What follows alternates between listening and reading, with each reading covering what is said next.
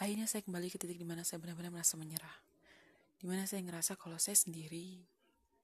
Di mana saya merasa saya pengen banget ditemenin, tapi saya nggak pengen ada orang di sekitar saya. Dan saat ini, inilah titik di mana saya merasa kalau hidup memang harus disudahi.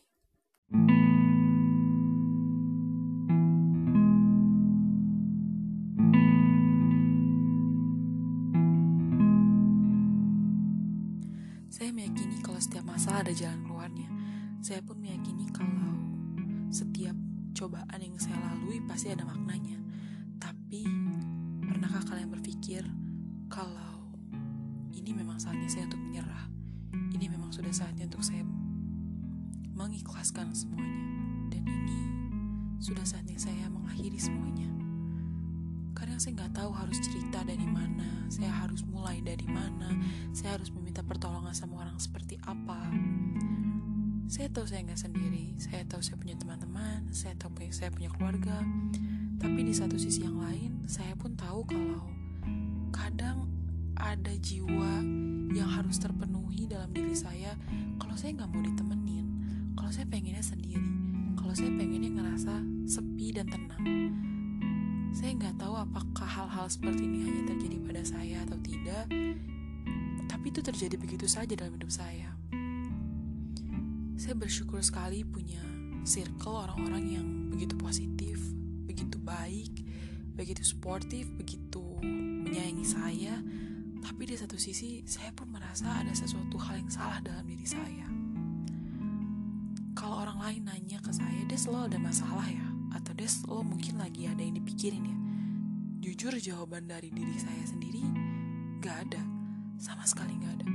Saya lagi gak ngalamin masalah. Saya lagi gak memikirkan sesuatu. Hubungan saya dengan keluarga sedang baik-baik saja. Hubungan saya dengan teman-teman saya baik-baik saja. Hubungan saya mungkin sama pacar saya baik-baik saja. Tapi lagi dan lagi saya menyadari bahwa hubungan saya dengan diri saya yang tidak baik-baik saja.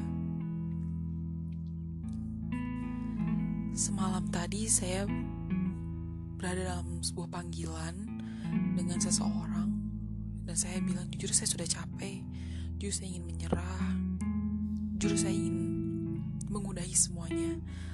Lalu ada satu hal yang bikin saya kembali berpikir ketika orang itu menangis.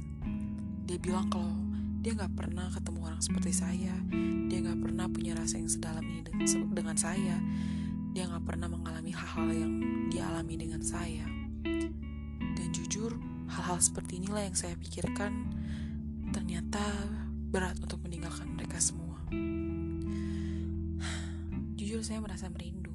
Saya merindu terhadap sosok saya yang begitu tegar. Saya merindu pada sosok saya yang dulu bisa hahihi. Saya merindu pada sosok saya yang dulu bisa setegar itu melewati badai.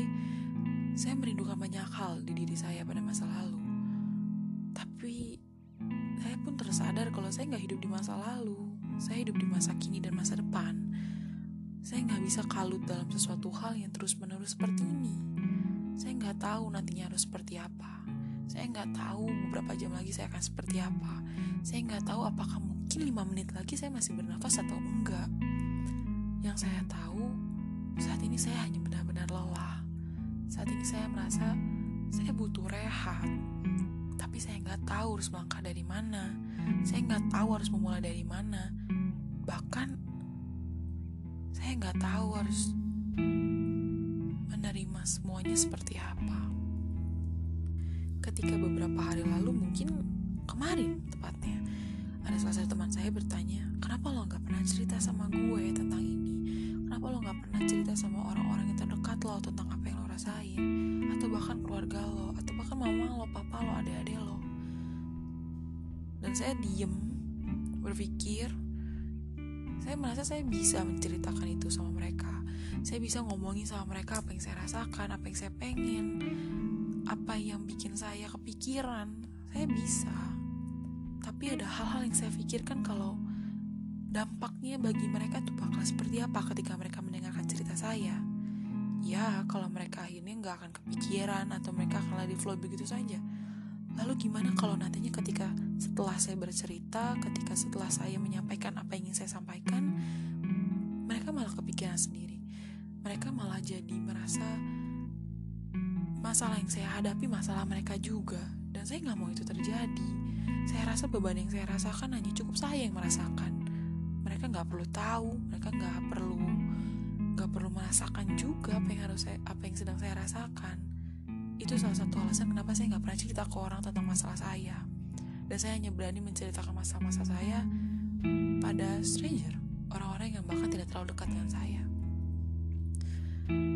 saya yakin kalau akan ada masanya saya kembali menjadi diri saya yang dulu entah kapan tapi saya mau menunggu untuk masa-masa itu kembali terjadi dalam hidup saya.